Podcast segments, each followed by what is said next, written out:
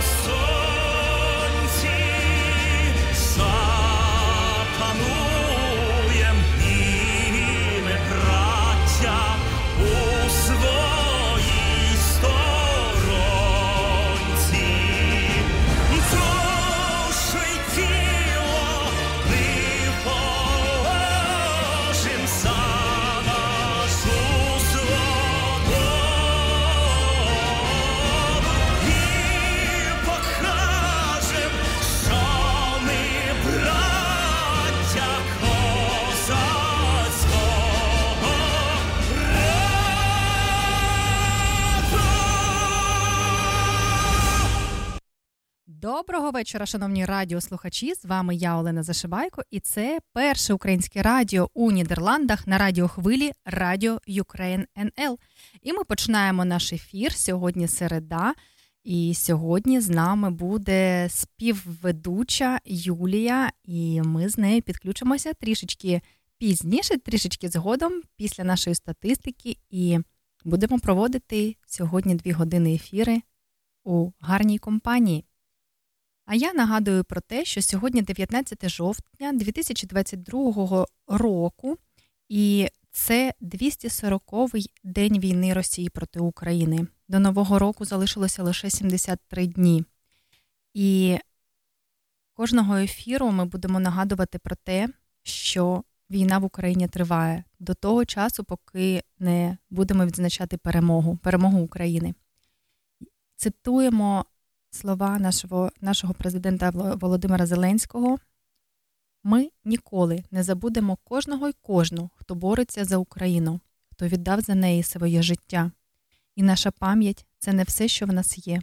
Наша незалежність, яку ми збережемо і передамо нашим дітям і онукам, наша перемога, яка обов'язково буде, стануть найкращим ушануванням пам'яті всіх, хто загинув в цій війні. Давайте згадаємо всіх, хто поклав своє життя за свободу, незалежність та суверенітет України. Давайте вшануємо кожного українця, хто боронить нашу Україну в цій війні наступною піснею.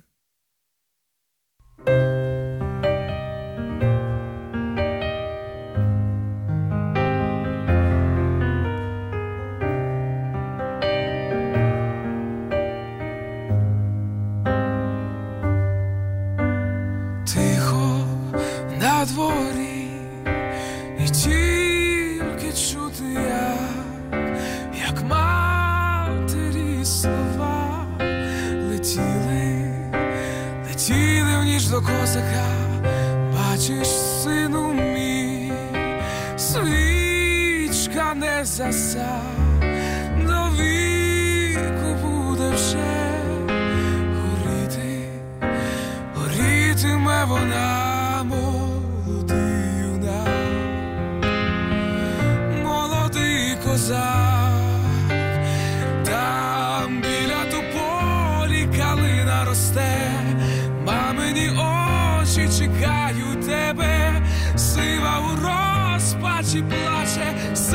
все чекає, та умовши його душа мам. Я бою за волю пішов далечінь, за правду і долю нових поколінь, за тих, хто в морі далеко і крилами лелеки повернеться живі, рік же промайну прийшла нова весна, а спокою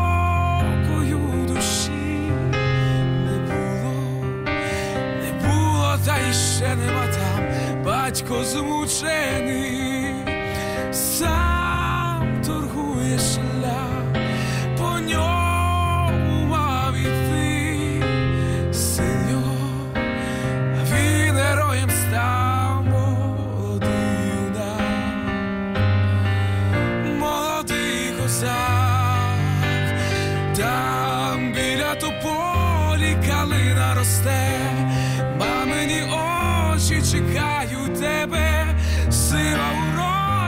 розпачі плаче, сина все чекає, та в Бога вже його душа мам.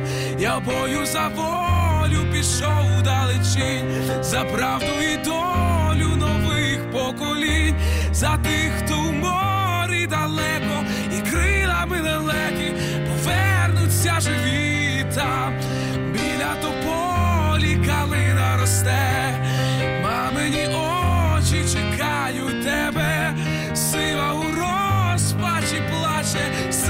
все чекає, та Боже його душа мав. Я бою за волю пішов далечінь, за правду і долю нових поколінь, за тих, хто у морі далеко, і крилами лелеки повернуться живі.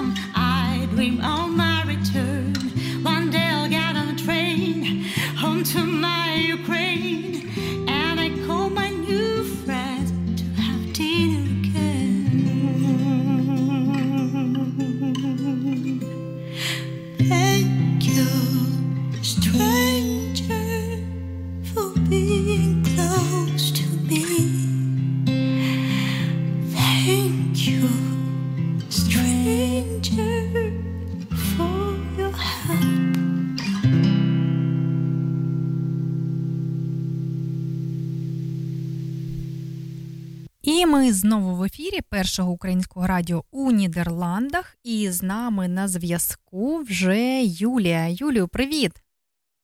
Е, Доброго вечора, шановні слухачі. Я тебе дуже гарно чую. Ти мене чуєш? Так, я вас також чую. Супер. Ну тож починаємо наш ефір. Так, звичайно, починаємо. Е, розкажи, будь ласка, як в тебе сьогодні настрій, як справи, як взагалі день? День сьогодні е, чудовий, але погода була дуже мінлива. То вітер, то сонечко, але це не завадило сьогодні прогулятися з моєю донечкою.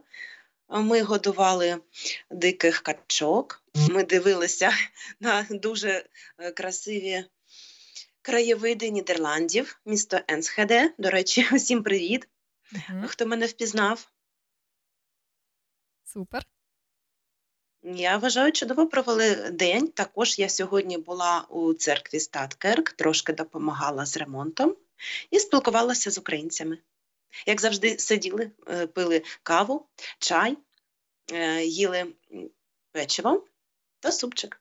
Супер, супер. Я вважаю, що дуже гарний день. Сьогодні дуже гарний день. І, до речі, я не знаю, ну може у вас і була поганенька погода, але ж тут, у нашому регіоні, де Ларен, то взагалі сонечко цілий день і так теплесенько, теплесенько. Я думаю, що це нібито бабине літо наступило нарешті у Нідерландах.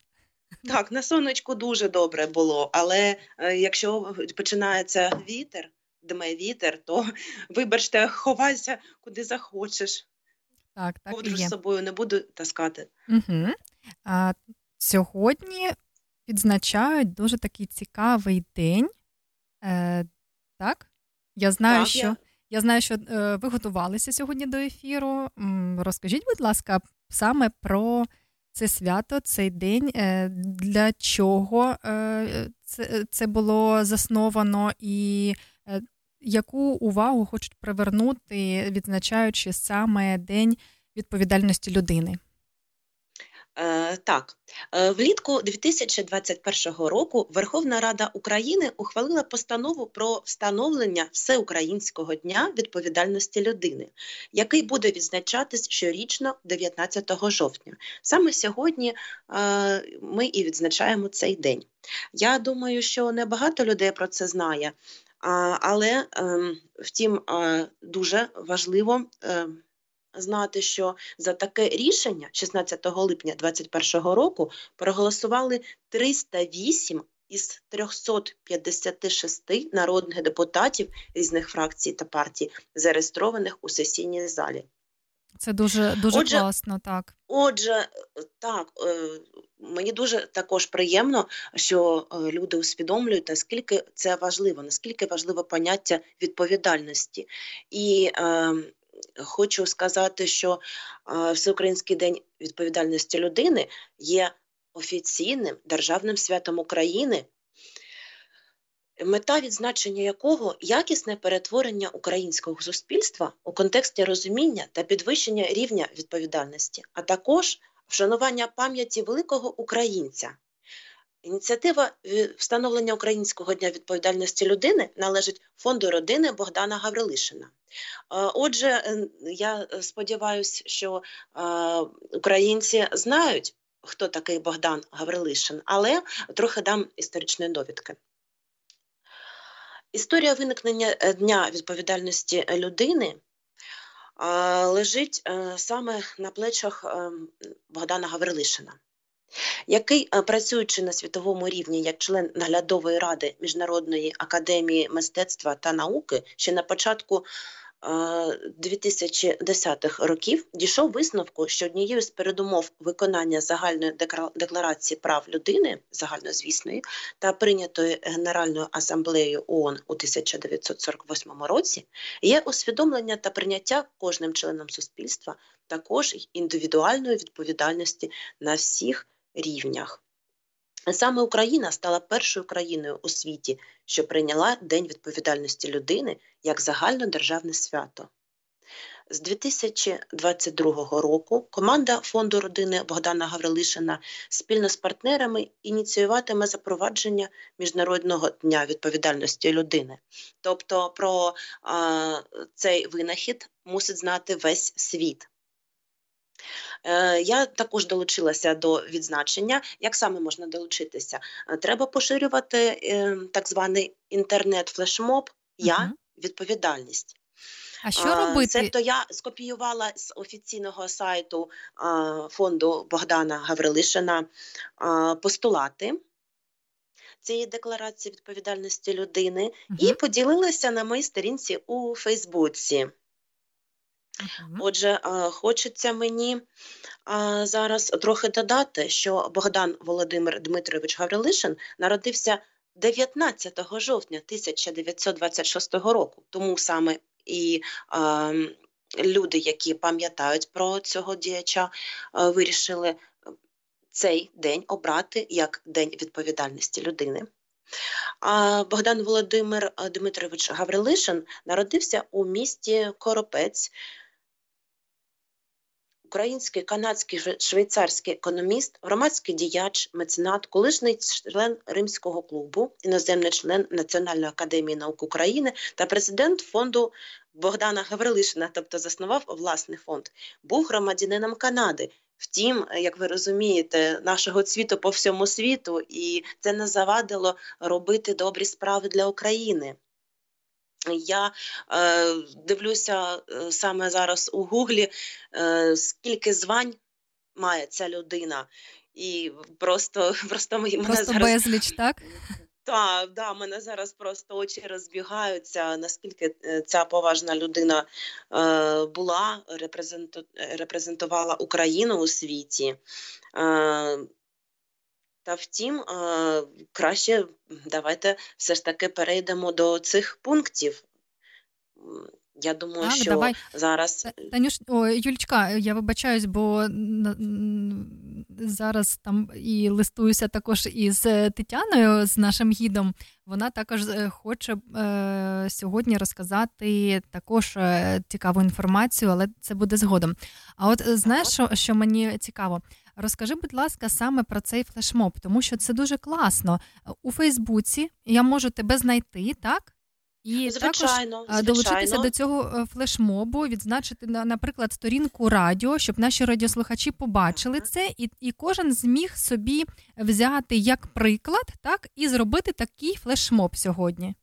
Так, дивіться, ви для цього маєте спочатку зайти на офіціаль... на офіційний а, сайт Богдана Дмитровича Гаврилишина, угу. скопіювати постулати з декларації відповідальності людини.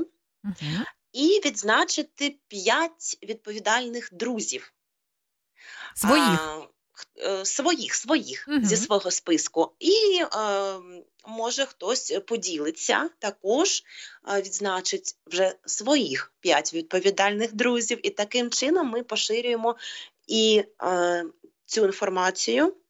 Е, текст декларації відповідальності людини, а також е, заохочуємо інших людей е, також поширювати, також долучати, також піднімати нашу свідомість. Це дуже гарна ідея. Я от сьогодні обов'язково зроблю це. Домовились? Так, так. Угу, дякую. Приємно було б. Угу. Давайте ж перейдемо тепер до пунктів, саме про так. ті, котрі ви розказуєте. Їх 15. Перший говори правду, будь чесним, дій згідно з моральними та етичними принципами. Другий. Підтримуй своє здоров'я у якнайкращому стані, щоб не обтяжувати суспільство витратами на твоє лікування. Третій. Вчися, розвивай свої таланти, здібності, навички протягом, усього життя, щоб бути корисною частиною суспільства. Четвертий. Стався до інших так, якби ти хотів, щоб ставилися до тебе. П'ятий. Будь вільною людиною, тобто будь сам суддею того, що є правда, а що ні, що є добре, а що зле. Водночас продовжуй випробувати свій. Е, Тут з інтернету читаю розсудок, але це я вважаю некоректно. Mm-hmm. Водночас е, продовжую випробувати, е, скажімо так, е, своє бачення світу. Mm-hmm. Одразу буду коригувати, щоб впевнитися, що він відповідає моральним та етичним принципам. Шостий. Прагне до гармонії між особистим, професійним та соціальним життям будучи частиною громади. Сьомий пункт у прагненні реалізації своїх прав не обмежуй прав інших членів суспільства. Тобто не роби дискримінації, я б хотіла так сказати, mm-hmm. перефразувати. Восьмий вирішуй якнайбільше проблем та питань на індивідуальному, сімейному, громадському рівнях, щоб полегшити тягар та зменшити витрати на управління. Тобто менше звертатися до суду, намагатися вирішувати самостійно питання, вирішувати мирним шляхом, так? так? Мирним шляхом, компромісами. Е, У мене одразу спало на думку надати один одному з писанів, але ні, ні, це не гуманно.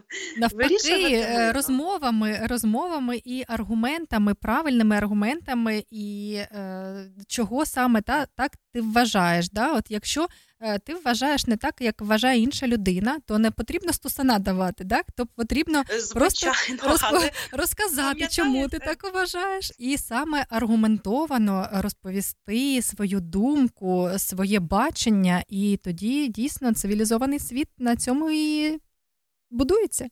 Але ви пам'ятаєте сесію Верховної Ради України? Боже, скільки обговорень було як mm-hmm. один одного депутати просто гатять Стусанів дають то, один одному. Так, то яйцями, то помідорами, Боже Боже. А ви тут кажете про те, що у родині у родині. Це якщо торкнутися психології, скільки буває видів аб'юзу, mm-hmm. що тут вже ну але ж е, якщо тримати свої емоції під контролем, дійсно бути відповідальною людиною, дійсно думати один про одного, поважати, то я вважаю, що е, люди вміють вести себе коректно і не завдавати шкоди суспільству своїми дрібними проблемами. Так, я дуже сподіваюся, що коли буде наша перемога, а вона обов'язково буде, буде перемога України, то всі люди, всі українці, ми повернемося додому, і у нас у парламенті, у на усіх рівнях влади будуть дуже відповідальні, щирі, чесні е, люди, котрі будуть дотримуватися оцих 15 пунктів декларації. Так, але починати треба з нашої малої громади, себто з сім'ї. Угу. Отже, я так е, поступово переходжу до дев'ятого пункту. І в першу Обов'язки... чергу з себе. Так, угу. так, себе та своєї родини, обов'язки людини до сім'ї. Така назва дев'ятого пункту наших правил. Бережи культурну спадщину своїх предків. Себто е, така традиція, як є у моїй родині, зберігати сімейні фотографії, зберігати е, наше надбання, зокрема е, вірші, пісні, коштовності. Це також є культурною спадщиною.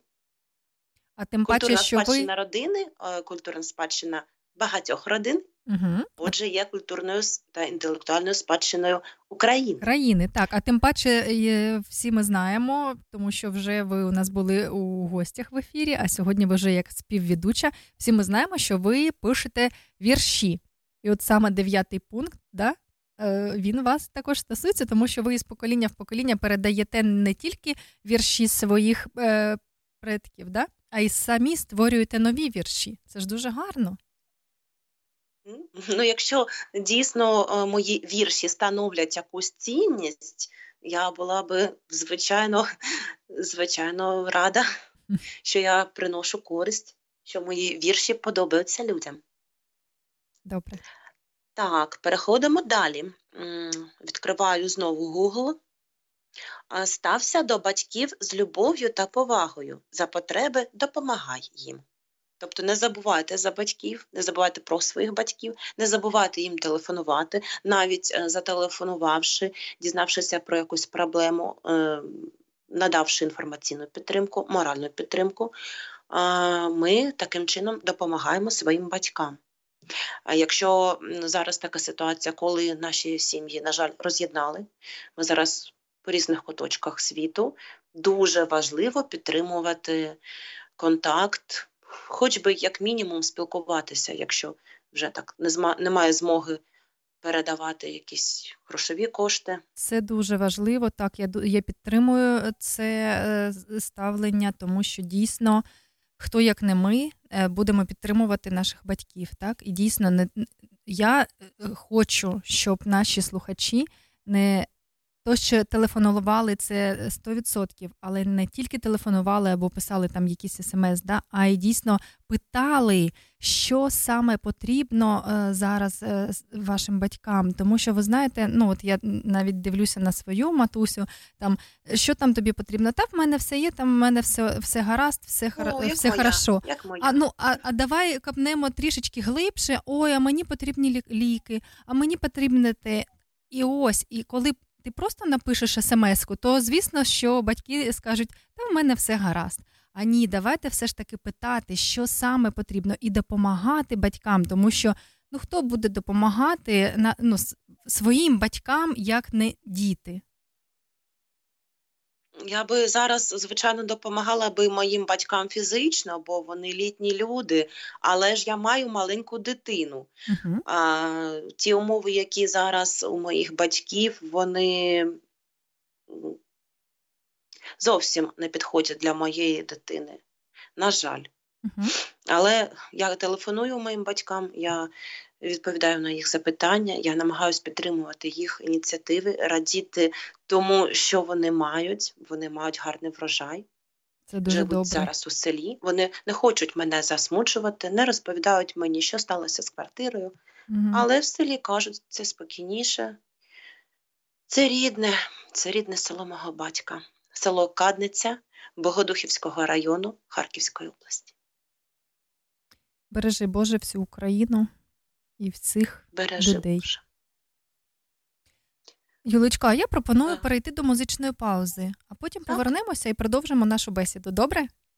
Так, але е, але тут останнє, е, останній підпункт дев'ятого пункту стався до братів та сестер як до кращих друзів. Супер. Це я підтримую на всі 100%. Зараз сестра моя це найкращий друг. Супер. Братів не маю. Переходимо до музичної паузи. Так. Моя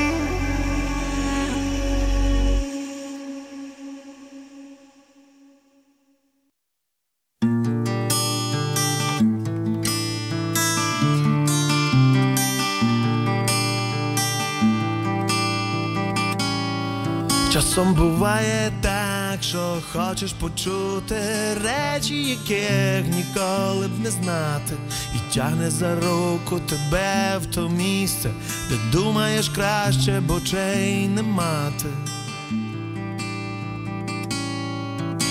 Ти дивишся в кухні на кран і воду, а правда ні звідки не виходить, і дивляться в очі тобі знайомі, їхні очі твоїм говорять. Спи собі сама, коли біля тебе мене нема, спи собі сама коли біля тебе мене нема, спи собі сама, коли біля тебе мене нема, спи собі сама, коли біля тебе мене нема.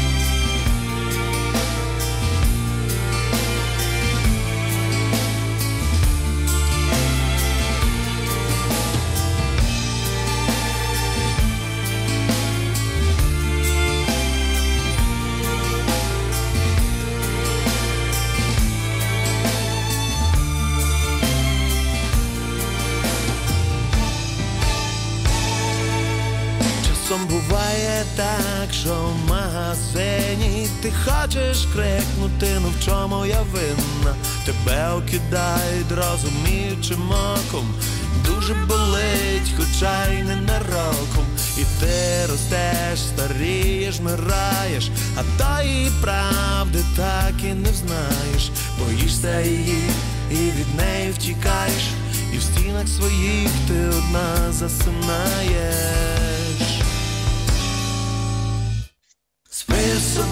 Сама, коли біля тебе мене нема, спи собі сама, коли біля тебе мене нема, спи собі сама, коли біля тебе мене нема, спи собі сама, коли біля тебе мене нема.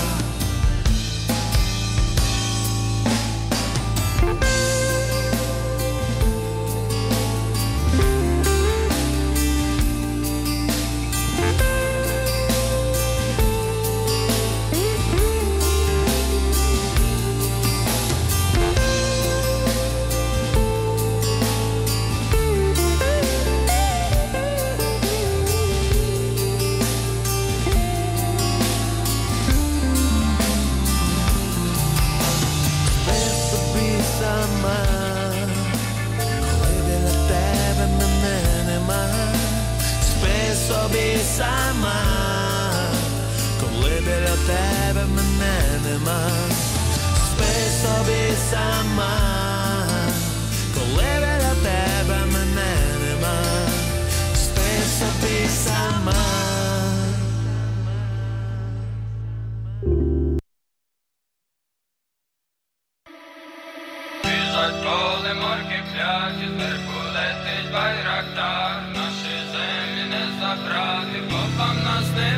Подолати, ЗСУ то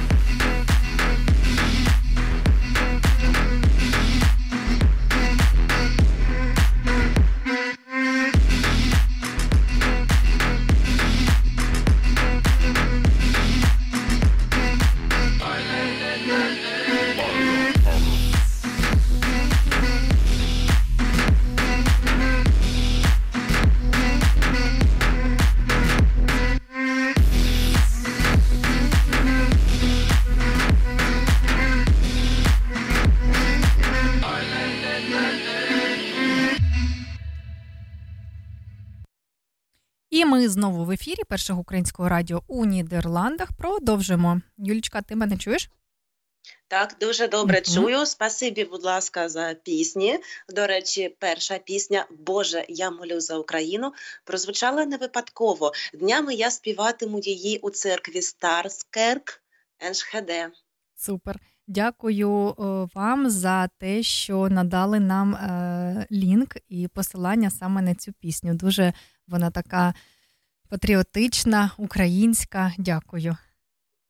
Я вважаю, вона є всенародною, і е, кожен, е, хто буде слухати її, я також е, зроблю переклад нідерландською, буде молитися за Україну, так як всі віруючі зараз хвилюються, і не тільки віруючі. Дуже вдячна за допомогу Україні. Це невимовна радість, е, невимовна, коли я е, переглядаю новини і бачу, що наші перемагають, е, наші показують свою силу, які вони дружні, як вони можуть здолати те, що нам випало на долю, як вони можуть відтіснити ворога. Так, дійсно. Кожен, кожен день переглядаю і просто серце кров'ю обливається за наших. Вірю в перемогу. Юль, а можна я зараз е, анонсую тоді е, подію, яка буде відбуватися завтра, саме з цього приводу? Ми всі знаємо, що Іран надає зараз Росії ракети класу Земля-Земля, оці е, дрони камікадзе. І На жаль. понад так, на жаль, і понад на Шахіди. 20, так, і понад на 20 інструкторів е, вчать російських е, найманців, можна так сказати, так, як їх правильно запускати, як вбивати українців. І от саме ми, ми маємо підтвердження від поліції на проведення мірного мітингу завтра у місті Ден-Хаг, це Гага, Так. біля посольства Ірану 20.10.22 року, це четвер, це завтра буде відбуватися з 11 години дня до 12 години. І ми просто благаємо всіх приходити, підтримувати і доєднуватися до цього мітингу, максимально поширювати цю інформацію. І гаслами, слоганами на, цю, на цій події будуть такі: припинити постачати зброю Росії, і ще що їх зброя вбиває українців, а саме дітей, жінок і ненароджених. Тому що ми бачили вчора, що просто загинула дівчина вагітна, яка, на жаль, На жаль. на жаль, На жаль. з дитиною ненародженою. Тому була. я закликаю, дуже закликаю тих, хто мене чує у НСХД. Будь ласка, у нас, е, якщо є змога за часом, у нас е, прямує поїзд без пересадок. Дуже благаю, це одна година, це така можливість підтримати не тільки фізично, але й е, коли ми думаємо, коли ми разом збираємося і е, думаємо про те, що хотіла сказати українською, але скажу for example. Мгм. For example, це англійською, думаю, мене зрозуміють. Коли ми думаємо, for example, е, щось має статися і це станеться, ми разом збираємося. Е, Ми будемо молити Бога, щоб Іран припинив, припинив е, допомагати Росії з ракетами, то Бог нас почує, почує наші молитви, і я сподіваюся, що не буде Іран постачати до Росії. І Не буде. як ми всі бо кажемо, згадає свою історію, бо згадає, як вони страждали від Так. е, нападів інших народів, і припинять, припинять це ганебне явище. І, і як ми всі кажемо, що у єднанні наша сила, і ми зараз об'єднуємося. Україна об'єдналася, українці об'єдналися у кожній країні світу. Зараз дійсно дуже багато українців е, у різних країнах світу виходять на мітинги, е, розказують е, ситуацію, яка відбувається, показують світові, що не можна звикати, що потрібна допомога, що треба закривати небо. Так, от, друзі, будь ласка, приходьте завтра, приїздіть завтра, приходьте, хто живе у Газі, хто живе у інших містах, приїздіть на мирний мітинг біля посольства Ірану в Газі з 11 до 12 години дня. Це дуже важливо, дуже дуже. Так, так, благаю, благаю. А ми продовжимо наші пункти, так? Відповідальності людини. Так, і ми дійшли до 10-го пункту.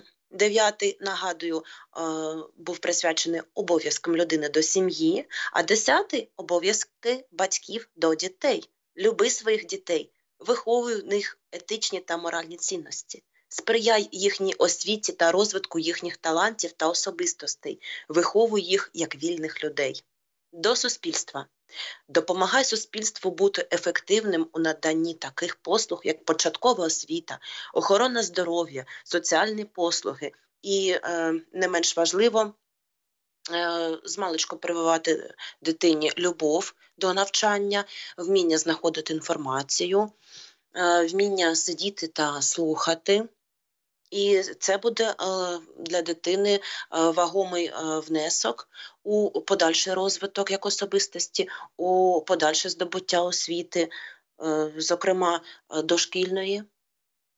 Це не менш важливо. Мгм. Базова освіта для мене була звичайно у школі. Скільки всього я е, змогла осягнути і не переплутати у своїй голові. Але коли я прийшла до університету, я сиділа, згадувала, згадувала, е, я набувала практичні навики. Для мене найкращі роки це, звичайно, у школі. Це, звичайно, у школі, коли я намагалася, як сказати, бути вискочкою, але тим паче це мені допомогло осягнути дуже важливі речі для мене, зокрема, такі як обов'язки та відповідальність. Я пам'ятаю своїх вчителів, вчительку історії, яка у нас була. Знову буду англійською strong, very strong. Вона до того, як е, вести у нас історію, вона працювала у дитячій колонії, тобто у нас була повна дисципліна.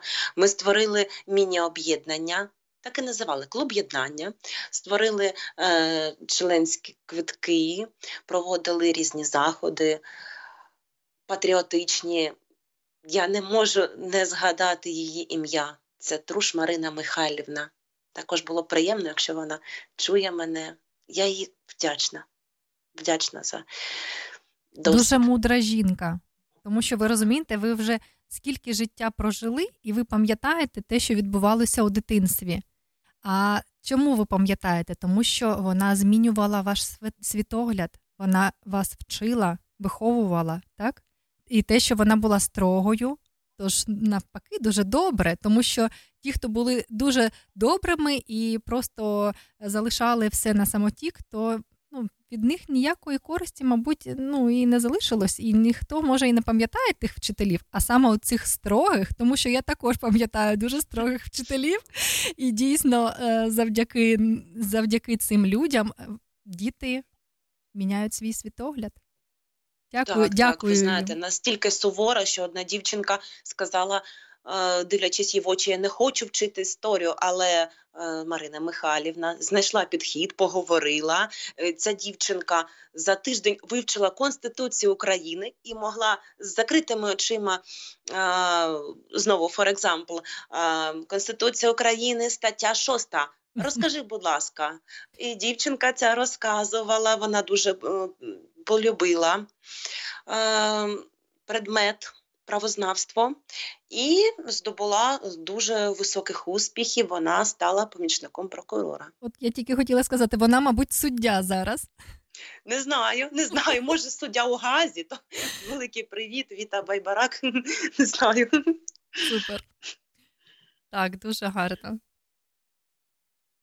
Ми з вами почули про е, десятий, про десятий пункт. Так, е, Так. Одинадцятий. Я так е, почала з е, розмови про допомогу суспільству, бути ефективним. Також е, сприяти добробуту усіх членів суспільства. Яким чином сприяти добробуту? Я вважаю не завдавати шкоди. Це вже, сприйня... е, це вже сприяння добробуту. Зберігаючи свою ідентичність, бути свідомою частиною усієї світової спільноти, тобто мати свою думку, тобто не боятися висловлювати її на публіці. Дванадцятий пункт ставлення до довкілля. Ну, ви розумієте, яка у нас ситуація, скільки у нас людей, скільки у нас машин. Тобто е, слід економно та розумно використовувати всі ресурси, уникати забруднення біосфери, допомагати зберегти цитую біологічне та зоологічне різноманіття. Тобто, у нас у Нідерландах, е, я вважаю, не випадково кажуть, не можна збирати гриби, не можна збирати ягоди, бо штраф понад 4 тисячі євро. Нагадую, це у нас у Нідерландах. Допомагати зберегти біологічне та зоологічне різноманіття. Е, яким чином? Не, не полювати на тварин у недозволених місцях без ліцензії. Щодо зоологічного різноманіття, деякі люди вважають, треба бути вегетаріанцями. Юль, ви знаєте, е, ми, до речі, е, стосовно цієї теми, мені дуже подобаються у Нідерландах такі штуки, як зелені коридори. Ми їздили е, у понеділок чи у неділю до хлопців у реабілітаційний центр, і це від нашого містечка там їхати близько 30-40 хвилин. І от ми їхали коли по трасі, і я дивлюсь, така сітка, і ну, питаю у місцевої жіночки, бо вона нас возила, кажу: а що це таке? Ну чому, чому тут сітка? Вона каже, це зелені коридори. Тобто, що це? Є один м, якийсь заповідник, є інший. І в одному заповіднику ходять е, одні там звірі, да, у іншому там ну, інші якісь. І от саме оці зелені коридори вони створені для того, щоб е, тварини мали можливість мігрувати, переходити від одного заповідника до іншого. І це так круто, кажу, Боже, так класно. І вони ну звірів ніхто не чіпає, тому що всі розуміють, для чого це. І от стосовно так, навіть грибів, ягід, люди, не ходіть, будь ласка, до лісу, бо це дуже дорого коштує. Вам проще сходити до Ямбо чи Альбертхейну чи Лідлу, купити До тих- Лідлу. так, купити тих продуктів, тому що 4 тисячі євро заплатити, якщо ти е, просто попався у лісі з е, пакетиком грибів, ну то дуже дорого. Ну не, не робіть цього. Дійсно, такі закони в Нідерландах, і треба поважати закони тої країни, де ви перебуваєте. Так, 13 пункт відповідальне ставлення до країни. Будь законослухняним. Про це ви тільки що дуже влучно сказали. Допомагати е, своїй країні в рамках власних можливостей підтримувати пріоритет загального блага, повної політичної свободи, адекватного рівня економічного добробуту для усього населення, соціальної справедливості, здорового довкілля. Пункт передостанній до майбутніх поколінь звучить дуже філософсько. Залиш навколишнє середовище у кращому стані, ніж отримав, із збільшеним культурним спадком, цінностями, щоб уможливити майбутнє покоління бути більш ефективним у політичній, економічній, соціальній, культурній сферах суспільства. Ставлення до світу. Будь толерантним та стався з повагою до всіх рас, етнічних груп, релігій, мов, звичаїв. Вивчай різні мови та хоча б базові речі про інші цивілізації. Сприяй розумінню різних культур, їхніх цінностей для мирної співпраці, чесної торгівлі. І вважаю дуже добре, коли приймаюча країна знайомить з культурними цінностями, коли ми можемо відвідувати музеї з гідом, коли ми можемо долучатися до творчості з перекладом.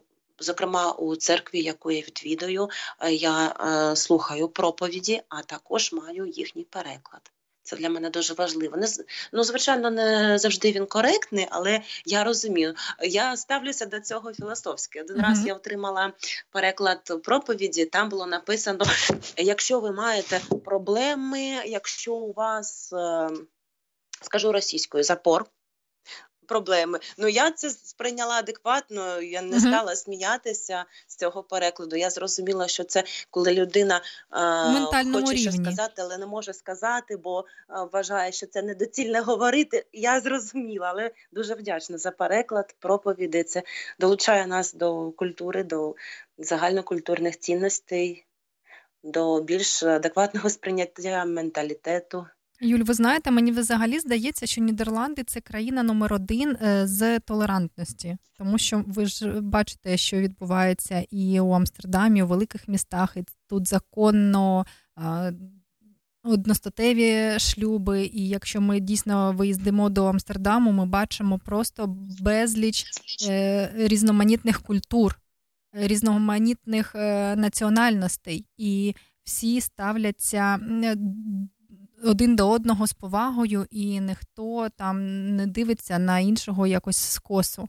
Ну, дійсно, Нідерланди дуже така толерантна країна, як на мою думку.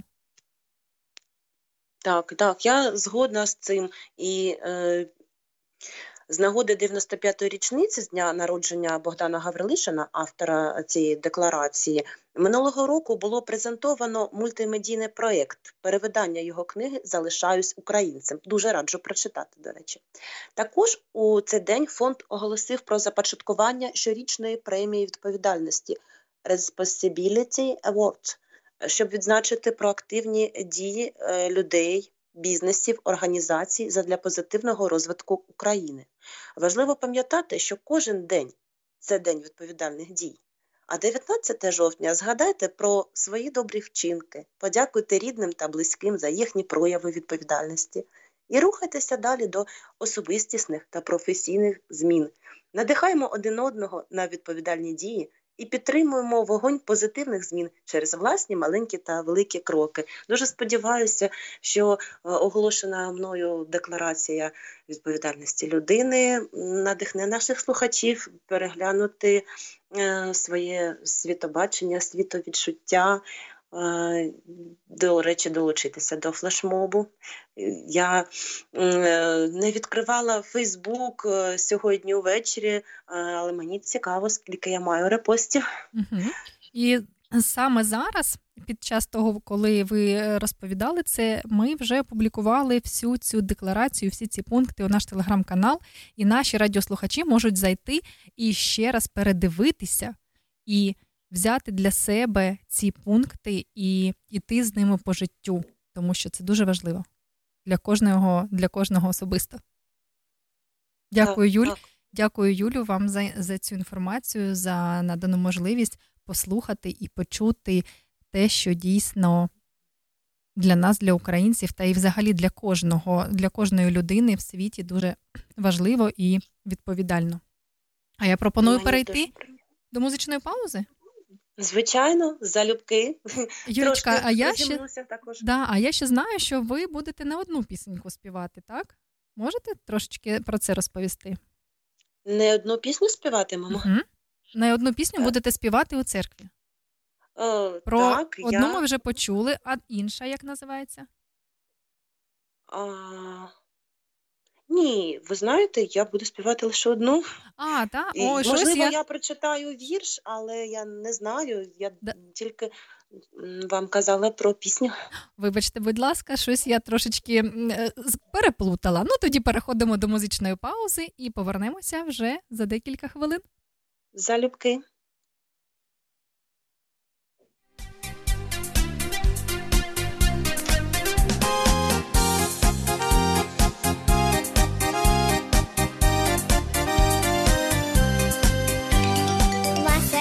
Васелечки, розцвітає край вікна, васелечки, васелечки, синя оки, як весна, васелечки, васелечки, ніжно листям тріпотять, тупу, тупу по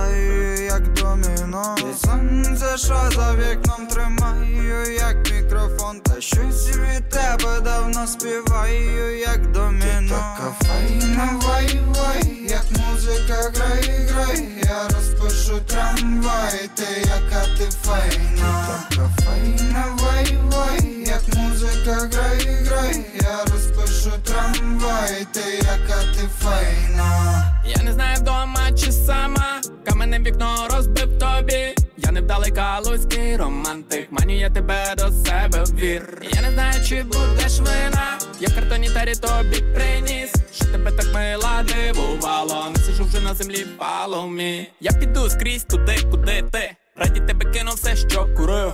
Я не буду принцем, в принципі, про принцип. Мій розкажуть пацики дворі. Ей, я пройду скрізь стін, сотні крізь стін, з ким одіяло я ділив кричать стій. Знаєш, сотні пацанів тебе хвалять. Але моя ляля, я не віддав. Така файна, вай, вай, як музика грає, грай, я розпишу трамвай, ти яка ти файна. Така файна, вай, вай, як музика грає, грай, я розпишу трамвай, ти яка ти файна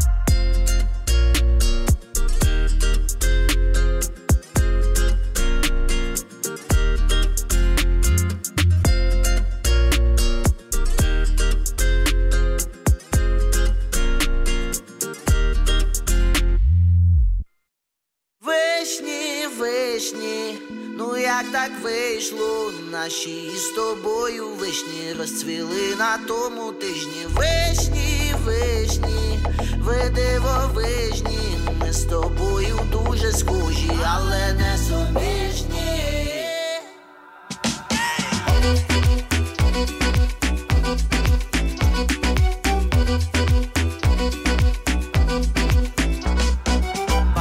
Паночка вишневого компота і не смішно, що так Я підкинув вишню в небо, не попав до рота. З першої хвилини, закохався сильно, не дивився на часи, загубив години.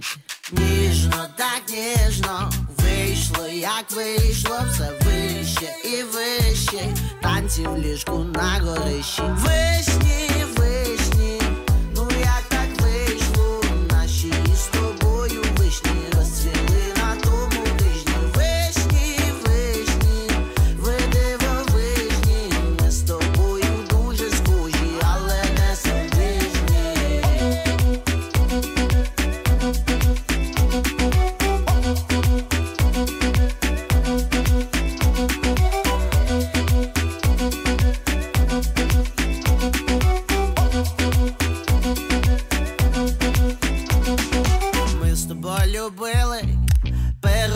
пироги вишневі і весіли разом, ми як вишні в небі. Чом ти так на мене, схожа моя бейбі? Думав вишні стиглі, а вони зелені. Ніжно, так ніжно, вийшло, як вийшло, все вище і вище, танці в ліжку на горищі.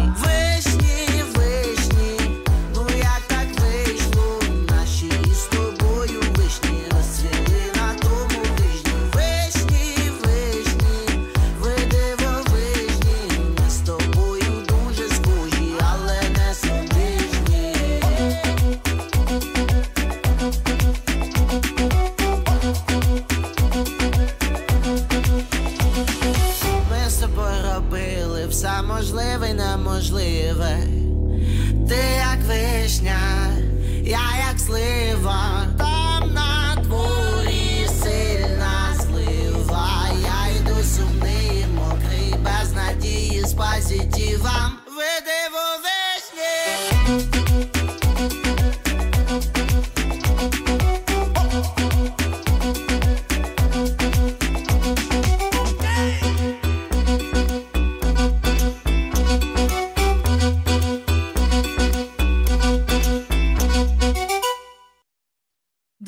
Каже Велбой, ви дивовижні, і це правда, тому що український народ став лауреатом премії Сахарова. Це нагорода щорічно вручається Європейським парламентом.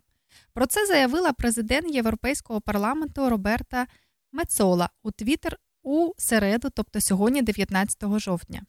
Вони відстоюють те, що у що вірять, борються за наші цінності, захищають демократію, свободу та верховенство права, ризикують життям заради нас, нікого не гідніше. Вітаємо мужній народ України, заявила Мецола.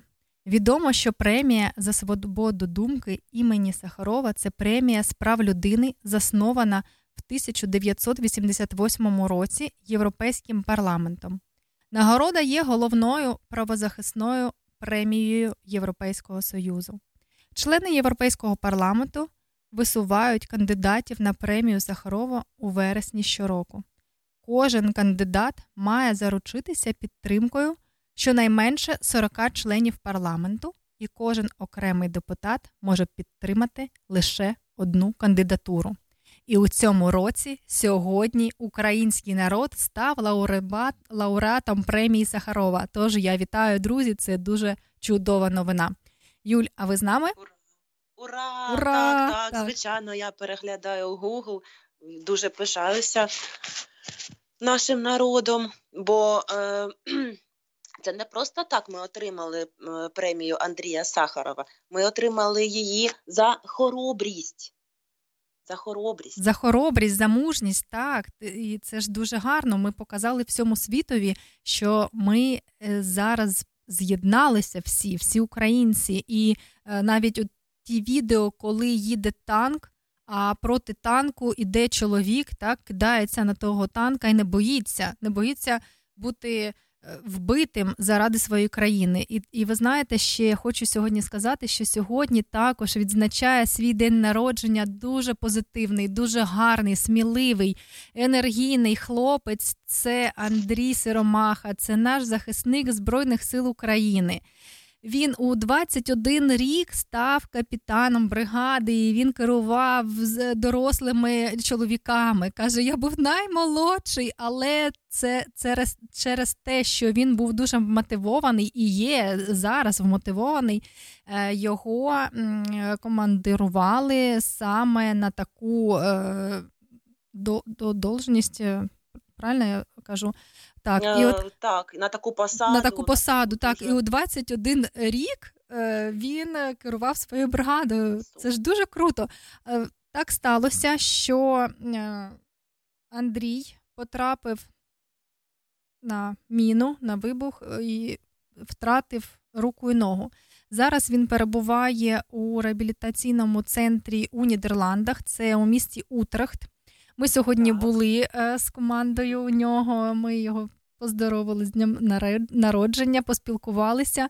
І ви знаєте, ми пробули там більш ніж дві години, і мені здається, що можна просто розмовляти 24 на 7. Він так просто в- розповідає всі ці історії. Він так пишається Україною. Він е, дякує всім побратимам, волонтерам і е, розказує про своє навчання в інституті. Він зараз, зараз розумієте, людина знаходиться на реабілітації, втративши руку ногу. Він навчається у двох інститутах в Україні онлайн. Він вчить нідерландську самостійно. До нього не приходять вчителі чи там ще хтось. Він каже: Я заходжу онлайн, включаю собі там якісь слова і просто їх вчу. І сьогодні з нами була жіночка місцева, нідерландка. І вони розмовляли там якісь слова. Він вже розказував, які він вивчив. Це таке сонечко, це така позитивна людина, що коли ми вийшли з того центру, то моя знайома, моя подруга каже своїм дітям: діти, дівчатка, у неї дві доньки.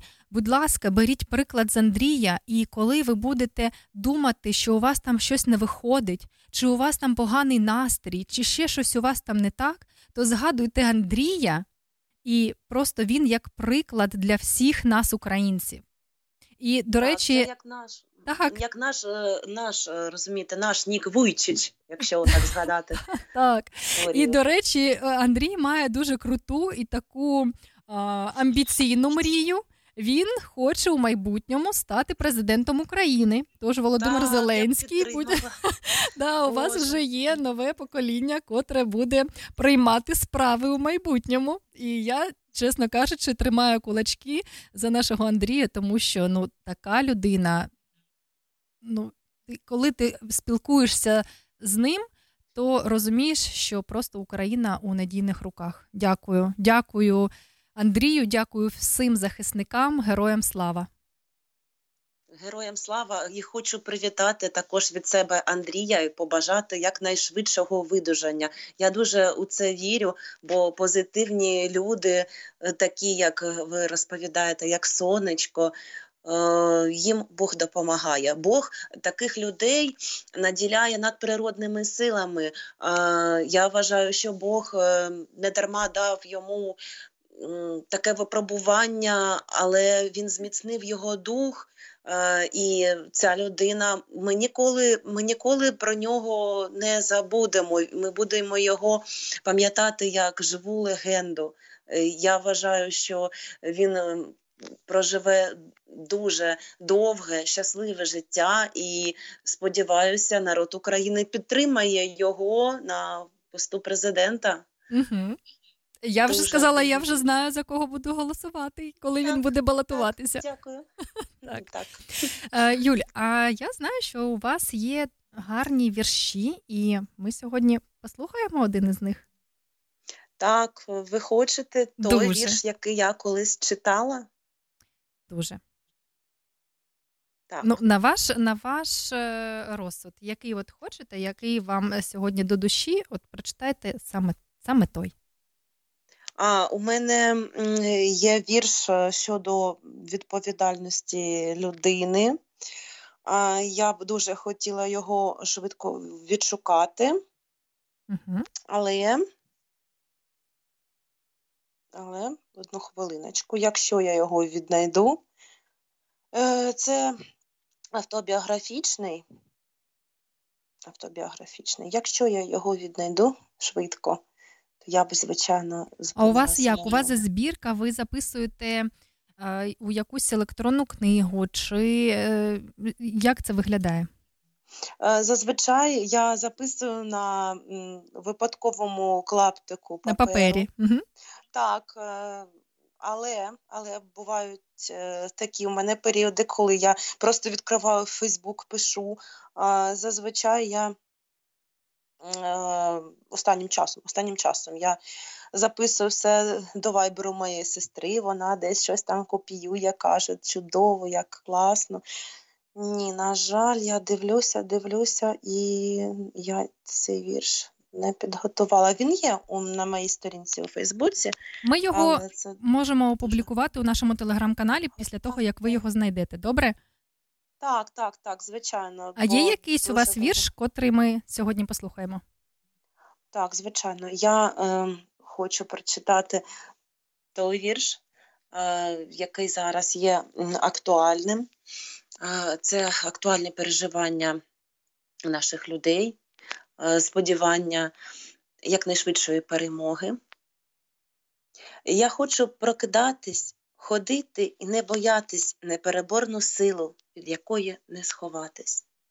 Я хочу двері відчинити, стояти вранці на балконі і пити каву вдома в балахоні, а не на вокзалі в камуфляжі на пероні.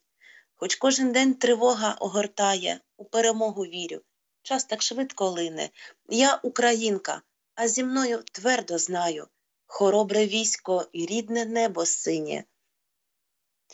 Боже, я молюсь за Україну, Боже, молю тебе за людей, ти їх прости, ти їх спаси, і милість свою нам яви.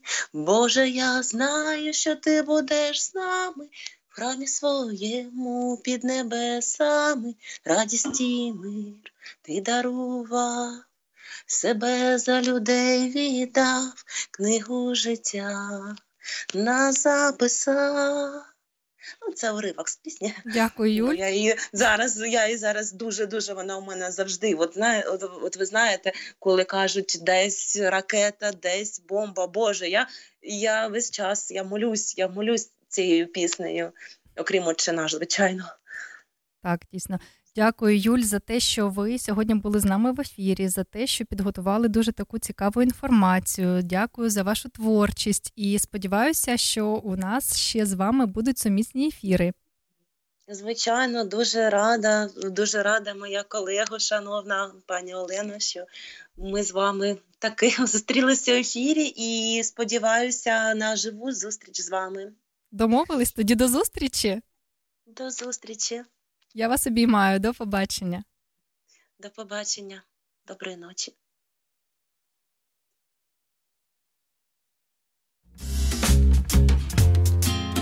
Юе, юе, юе, я солдат, не спав давно, але зміцнює струни душі. Моя рідна земля під ногами. Я солдат, і хто зайшов до нас зі зброєю в руці, відіб'ю гнилий гарбуз батогами. Я-я-я, хай ворог кричить, у розірваний рот будуть прахом. Ми рвемо їх без страху, краще всіх лікарських крапель, руський військовий корабель, невдаха. Я солдат, повірте, не хотів я війни, це вона заповнює ефірну орбіту. Я солдат, ми з України, мій позивний, я герой нового та вільного світу.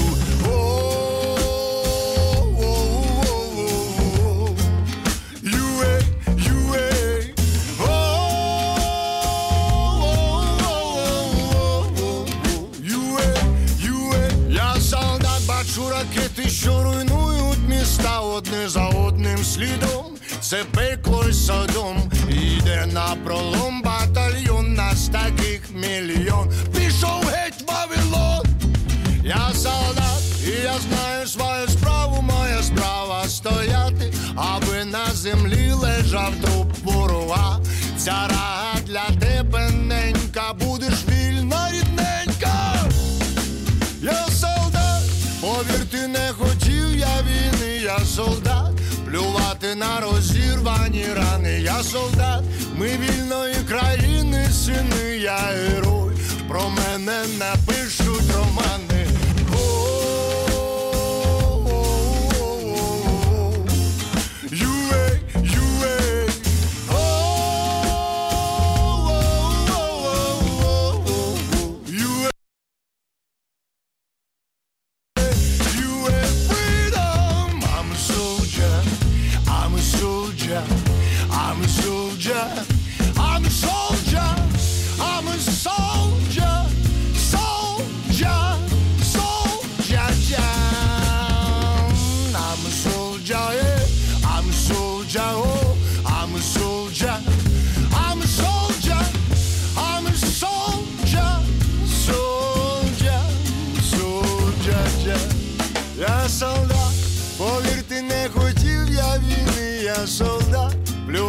На розірвані рани, я солдат, ми вільної країни, сини, я герой,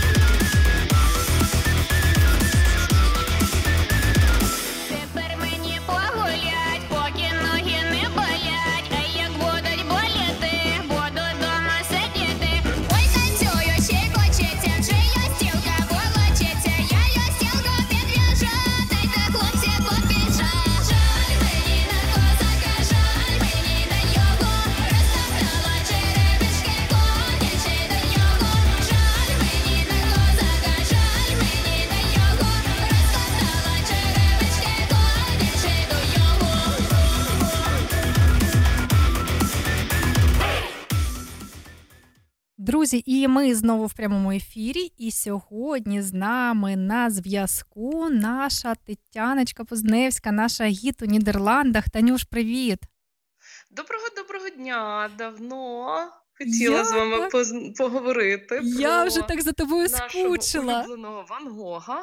Так, давай. І я так давно, я так за тобою скучила взагалі. Розкажи, як ти, як в тебе настрій? Е, Як ти себе Е, маєш?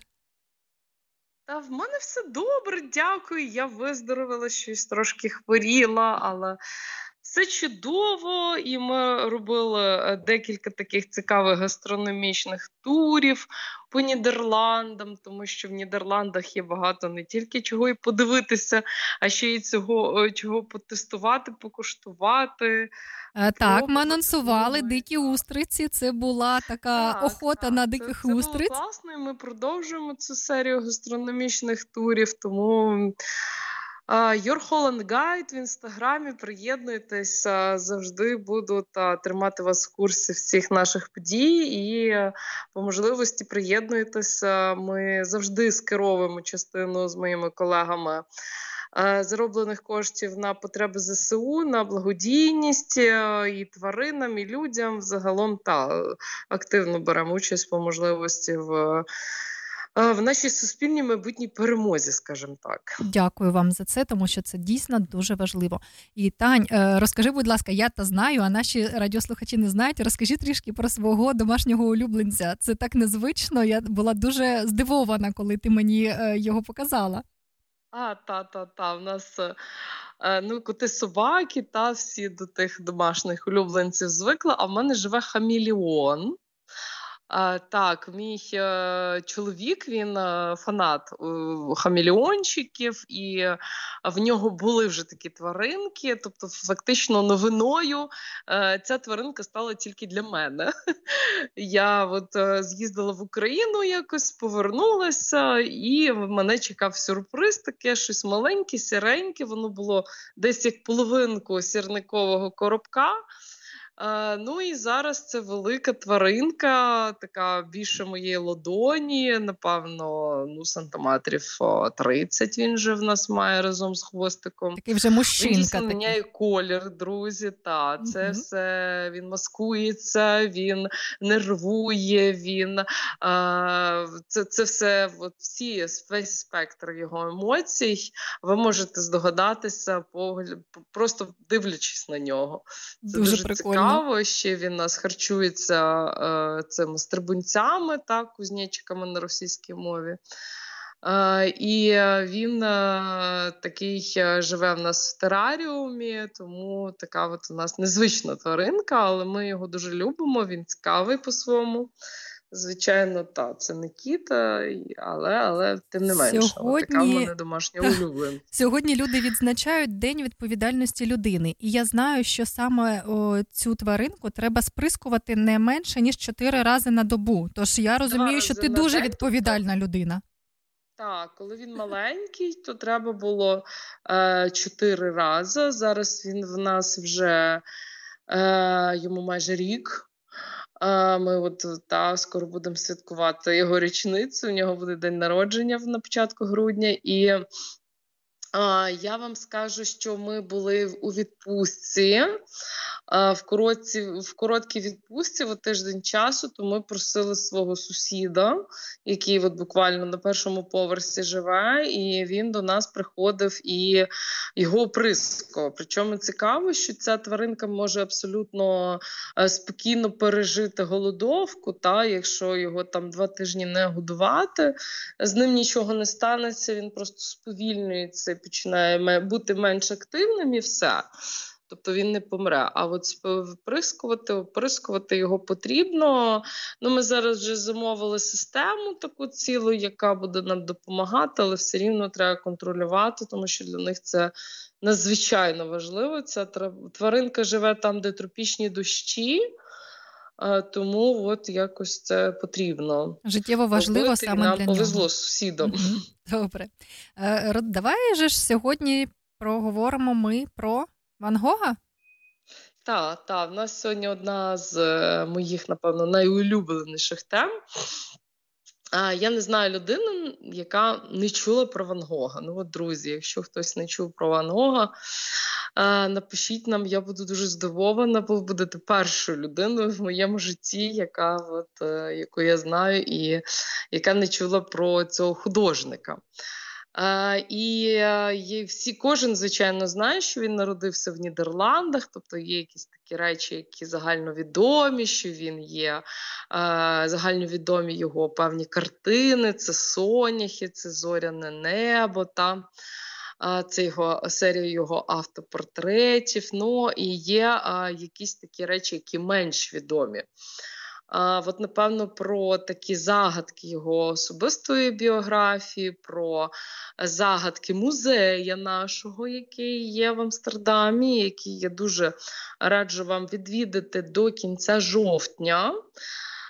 Чому до кінця жовтня? Тому що це так забігаю наперед вже, але до кінця жовтня в музеї Ван Гога проходить виставка Кліма. Це так само один ну, відомий, достатньо відомий художник, тобто ви отримаєте задоволення ще й від такої тимчасової виставки. Тому, якщо ви планували, якщо от ви думали, як туди дійти, коли, то от саме зараз у вас є можливість, і я вважаю, що це непоганий привід запланувати собі подорож саме от до кінця до кінця жовтня. От у вас ще є там кілька днів лишилося там. Е, щоб все ж таки відвідати е, цей музей. Зразу хочу вам сказати, що бронюйте, будь ласка, півдня для цього. Е, тому що ну, можна, звичайно, і за 15 хвилин його пробіжати, підійти там Е, до соняхів сфотографуватися і зачекінитися в музеї. Але якщо ви хочете е, отримати задоволення, то от з Ван Гогом його треба відчути, з ним треба от, спілкуватися, потрібно намагатися, навіть якщо ви там далекі від е, художньої майстерності, е, от, можна в цей музей йти за натхненням, за подорож в якусь, е, в якусь іншу реальність, можна так сказати тому що він дійсно ну, надихає і в нього є якийсь певний свій стиль, енергетика, і його багато картин. Вони от, як живі, знаєте. Тобто, от ми можемо подивитися фільм, можемо подивитися якісь 4-5 де там зображення, та, а можемо просто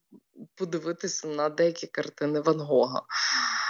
Це унікальна дійсно людина, яка от вибудувала сама свою унікальну техніку малювання, і яка дійсно жила в своєму абсолютно такому незвичному світі, скажімо так. І Я іноді проводжу екскурсії саме по музею Ван Гога.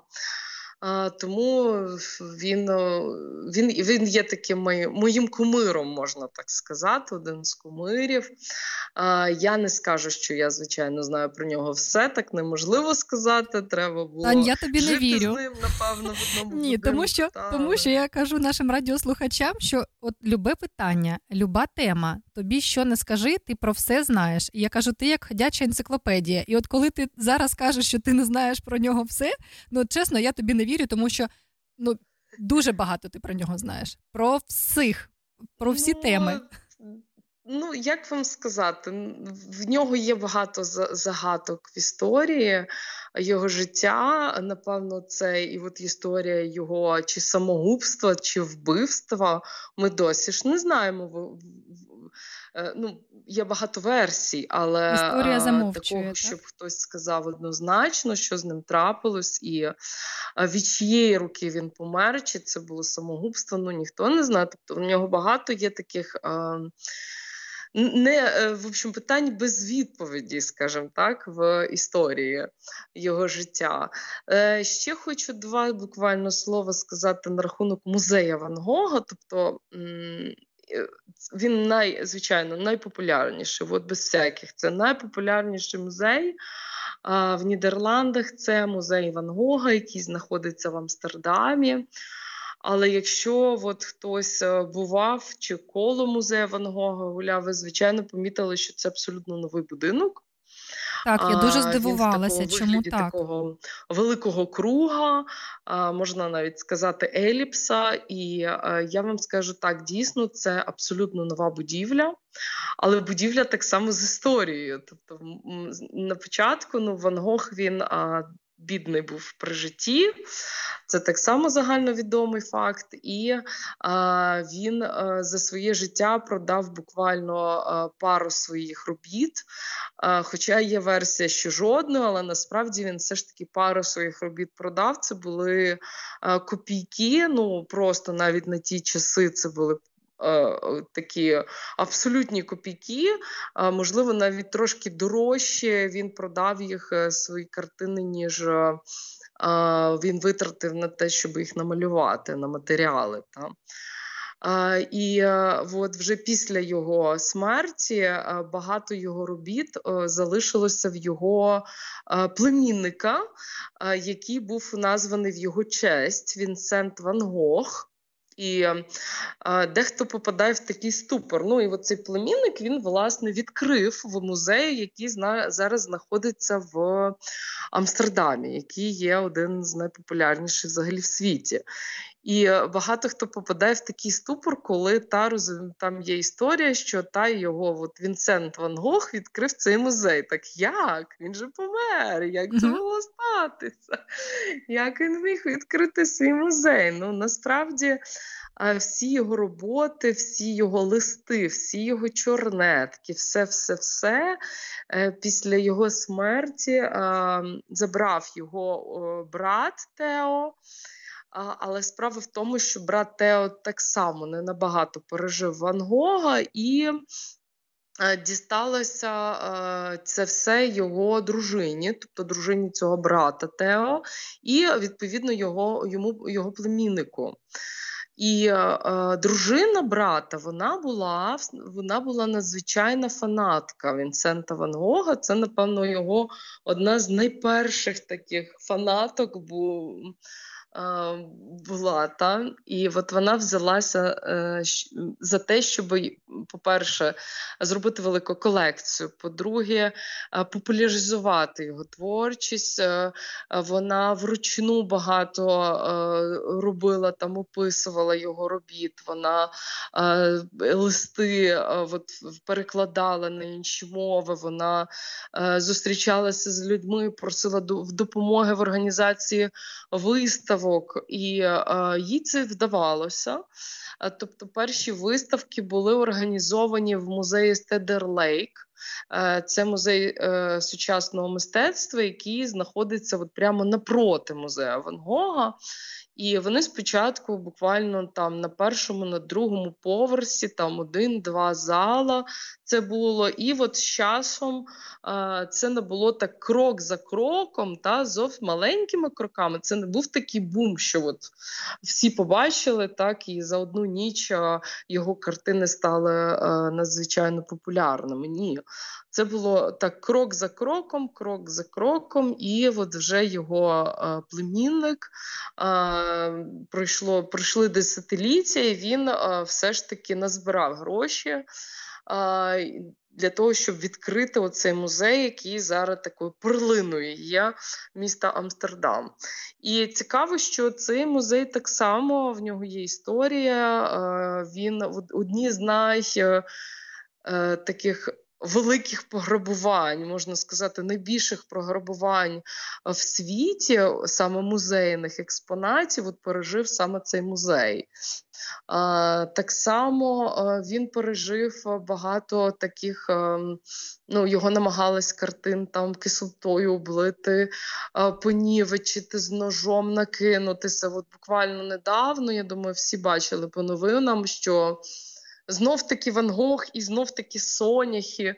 Але вже в Лондоні, де от соняхи були, е, як е, ну, іноді музеї там обмінюються експонатами, і от соняхи гастролювали в Лондон на тимчасову е, експозицію, і Дівчата, які е, борються за е, те, що багато проти змін е, проти кліматичних змін, вони чомусь вирішили, що варто привернути увагу, обливши супом е, картину Ван Гога Соняхи. Уявляєте? Ну, е, Танюш, ти знаєш, і саме зараз ми е, отримали запитання від нашого радіослухача, і як воно звучить, кажуть, що облили супом картину Соня соняшники Ван Гога в Національній галереї Лондона. Правда, це чи ні? Так, і так, я навіть тобі це не не встигла озвучити, і ти сама про це е, розказуєш. Так, дійсно, так, дуже цікава інформація. Знаєте, е, його е, там зоряні зоряне небо, воно іноді в Штатах.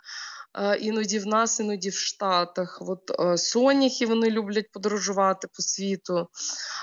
І от вони були в Лондоні. Звичайно, там багато людей е, купляло квитки, щоб потрапити на виставку Ван Гога і щоб е, подивитися на Соняхи. І от е, Дівчата вирішили таким чином пропіаритись, привернути увагу до е, кліматичних змін. Я я не уявляю, правда, е, який тут зв'язок між соняхами і кліматичними змінами. Ну, напевно, так, вони знайшли якийсь зв'язок е, і вирішили облити супом. Слава Богу, картина за склом.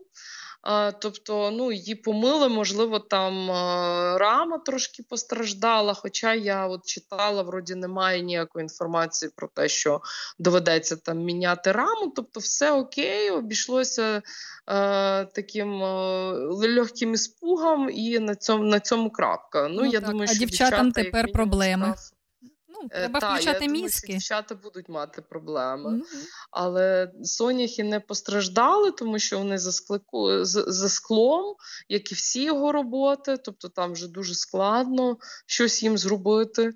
Е, Тому я думаю, що все все, все окей. З соняхами от такий інцидент, помили їх та й все. І від супу. Що стосується. Так, дякую за запитання. Будь ласка, задавайте, якщо ви маємо фідбек, е, маємо фідбек від слухачів, кажуть, небага, е, небагаті розумом дівчата. Так, дійсно, так і є. Такий собі піар, але ж він тепер буде коштувати їм дуже дорого. Ну, так, я думаю, так. Я думаю, що буде коштувати дорого, і е, я би зрозуміла, якби вони там влаштували акцію під якимось заводом, який там е, щось викидає в атмосферу, чи ще ну соняхи, come on. Ну Ван Гог він завжди малював селян, він обожнював природу, природу своєї країни. Він е, обожнював от. Е, те, що робить, тобто землю свою, як селяни обробляють цю землю, руки цих самих селян, тобто він їх увіковічив в своїх картинах і говорити про те, що вони мають якийсь там зв'язок е, з кліматичними змінами. ну це це не варто, звичайно. Ну, Такий інцидент. Це це не саме погане, що ставалося з його картинами. Тобто його музей пережив дві великі такі кражі, і це мільйони євро. І знаходили дуже довго шукали, і не все знайшли навіть. Тому ну, було і таке. Зараз, звичайно, цей музей over security, ти туди не доберешся так просто. Ну, колись було воно по-іншому на початку того, як його відкрили. Як ми бачимо, Що знаєш, є ще такі розказати на рахунок там є такі що? фільми. Я перепрошую, є такі фільми, знаєш, там є якісь там пограбування, там у якомусь там я ну не пам'ятаю, як правильно називається, що там заходиш до музею, все так охороняється, і лазерні підсвітки. От то, мабуть, зараз так все і відбувається після цих всіх інцидентів. Е, там недалеко, по-перше, поліцейський, е, поліцейський участок є. По-друге, там по-друге, камери, по-третє, там е, два рівня, тобто там ну не так все просто. І постійна охорона всередині. Ну, е, звичайно, ніколи не кажу ніколи, але це зробили надзвичайно складно зробити там якесь пограбування. Це стало от, надзвичайно складно. Тому ну, якось так. На рахунок того, як відвідати, я думаю, що зразу в людей з'явилися з'явилось бажання як відвідати, так то коштує 20, по-моєму, 7 євро, якщо от мені пам'ять не, не зраджує. Це не так е, дешево, але якщо ви вже постійно проживаєте чи плануєте якийсь час прожити в Нідерландах, е, я вам дуже раджу купити музейну карту. Вона коштує там 64 євро на рік. Музейна карта, от в інтернеті задаєте, і її дуже легко знайти. Музейна карта Нідерландів, офіційний сайт. Ця музейна карта дає вам можливість, тобто ви отримаєте таку річну підписку, можна так сказати. Ця карточка приходить вам по пошті з вашою фотографією, і за цих 64 євро ви можете відвідувати там вже 400 Е, ну, коло 400 музеїв по всім Нідерландам, по всім провінціям. Там цілий список. От можна відвідувати абсолютно безкоштовно, і музей Ван Гога він входить в. е, В цю, в Це в такий лайфхак для наших радіослухачів, так, Танюш? Як зекономити кошти? Лайфхак для наших радіослухачів. Як зекономити кошти і відвідати всі музеї? І ще, ще один лайфхак. Якщо у вас є якась стара фотографія, така от з 11 класу, то грузіть туди цю стару фотографію, так щоб по вашій музейній карті е, змогла ще ваша сестра, наприклад. Та зараз мене будуть звинувачувати в тому, що я тут порушую закони, що я українців закликаю порушувати закон. Ну але так. Я, наприклад, свою музейну карту залишила жіночці, яка недавно переїхала і на, на от, е, пару днів, що мене не буде. А, Так, щоб людина все ж таки змогла піти. Це дуже добре, тому що українці зможуть побачити культуру саме тієї країни, де вони перебувають. І це Звичайно, звичайно. Це і на музей благо. Ван Гог е, е, був дуже дуже раніше ласкавий. Е, Вони от в перші там місяці війни можна було абсолютно безкоштовно відвідати Van Gogh музей, відвідати музей Немо і відвідати ще Rijksmuseum. Можливо, ще якісь, але от таких три. Дещо я точно пам'ятаю, тому що сама резервувала там квитки.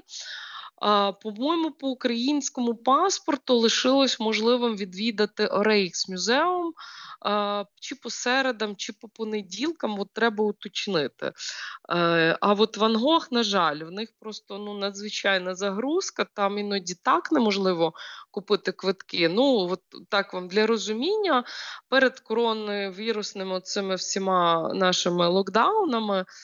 Щоб попасти в музей Ван Гога, потрібно було бронювати квиток за місяць.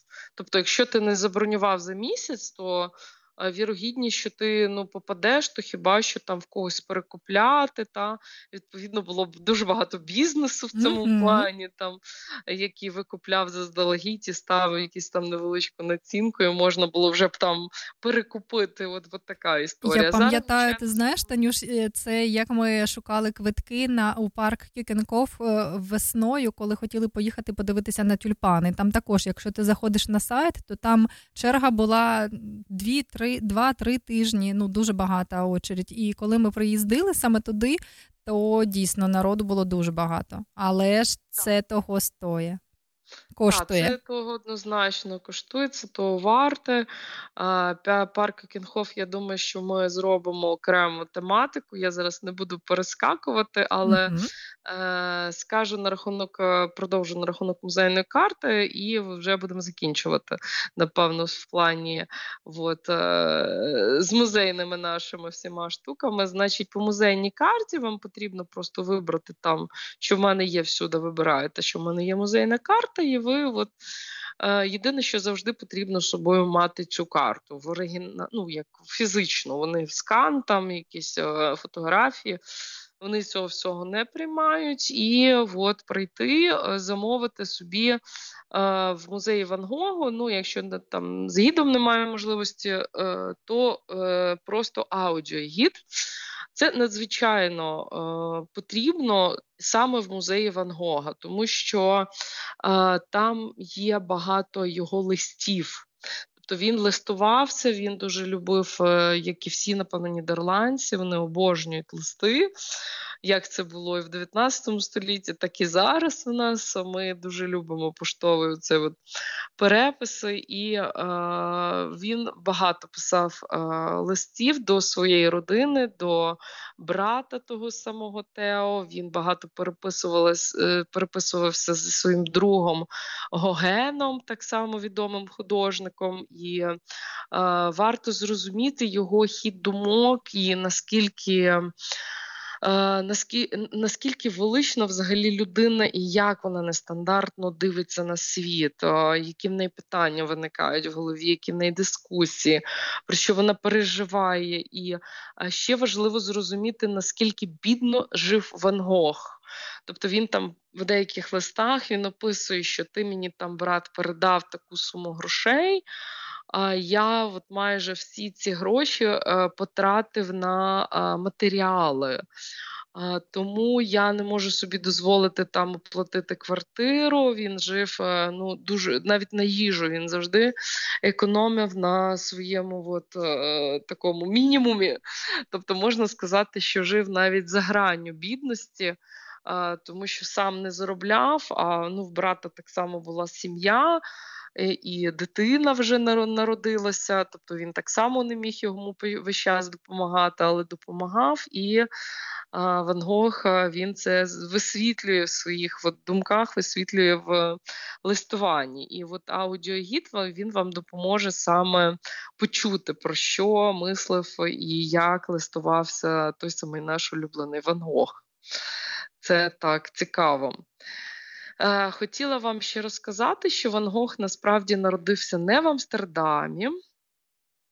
Він народився в надзвичайно маленькому місті, містечку такому, який знаходиться коло міста Бреда.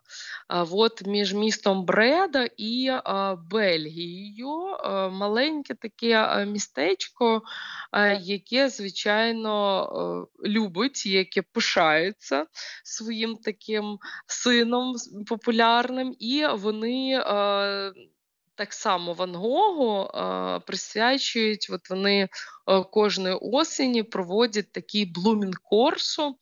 Е, це виставка е, квітів, не так квітів, як великих фігур, таких от чотирьохметрових фігур, п'ятиметрових фігур з живих квітів. Це такий цілий парад проходить. От саме в тому місці вони це почали робити ну, далеко, так, 70 років вже цей е, е, Блумін Корсо проходить, і я вам дуже раджу е, колись все ж таки відвідати е, місто Ван Гога і ще й попасти на от такий от парад великих фігур з квітів. Це от буквально місяць назад мені вдалося все ж таки вибратися, і це це було ну, дуже таке яскрава подія в цьому місті. І що хотіла ще сказати на рахунок Ван Гога, на рахунок музею, забронюйте, будь ласка, не менше ніж три години. Так, здавалось би, це не такі великі музеї, як той самий Рейксмюзеум, але картини Ван Гога вони вимагають певного відношення. Тобто варто підійти, знайти якісь асоціації в вашому житті знайти, як він е, підбирав кольори, чому він саме цей колір поєднав з іншим кольором.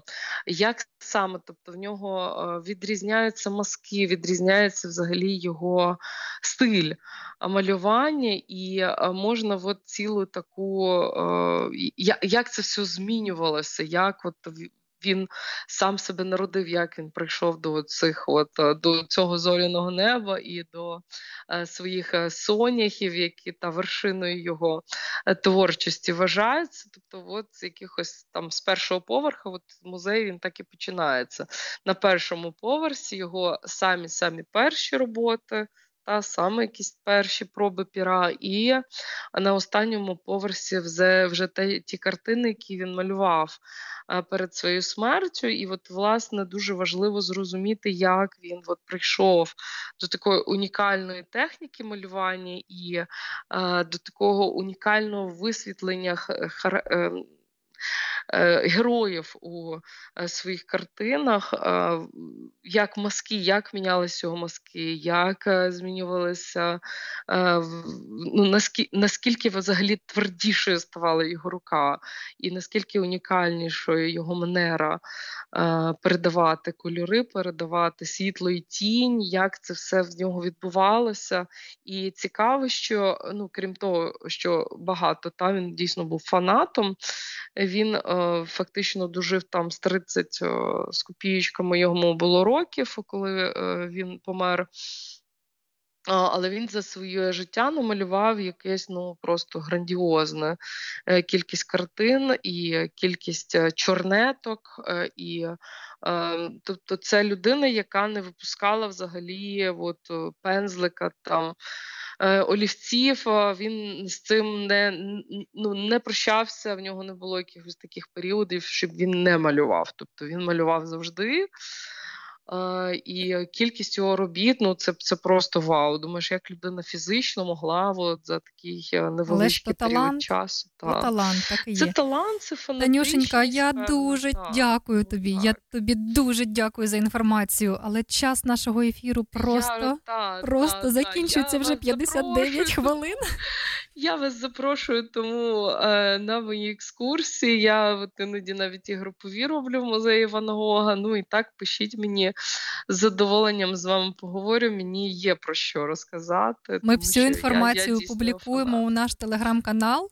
І контакти також нашої Тетяни опублікуємо в телеграм-канал, і навіть відео про те, як дівчата намагалися облити супом е, картину Соняхи.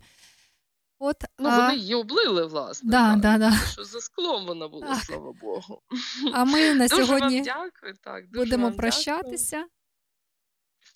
Я вас та обнімаю, гарного вам вечора і до наступних наших зустрічей. До побачення. До побачення, Танюш, і тобі бажаю всього гарного, щоб все, що ти запланувала, воно виповнилося, і скорішою перемогою України.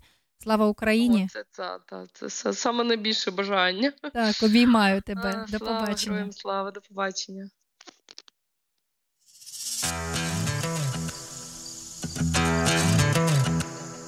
Сиди вдома, ти до неї не ходи і бійся грому, бійся темної води під шкірою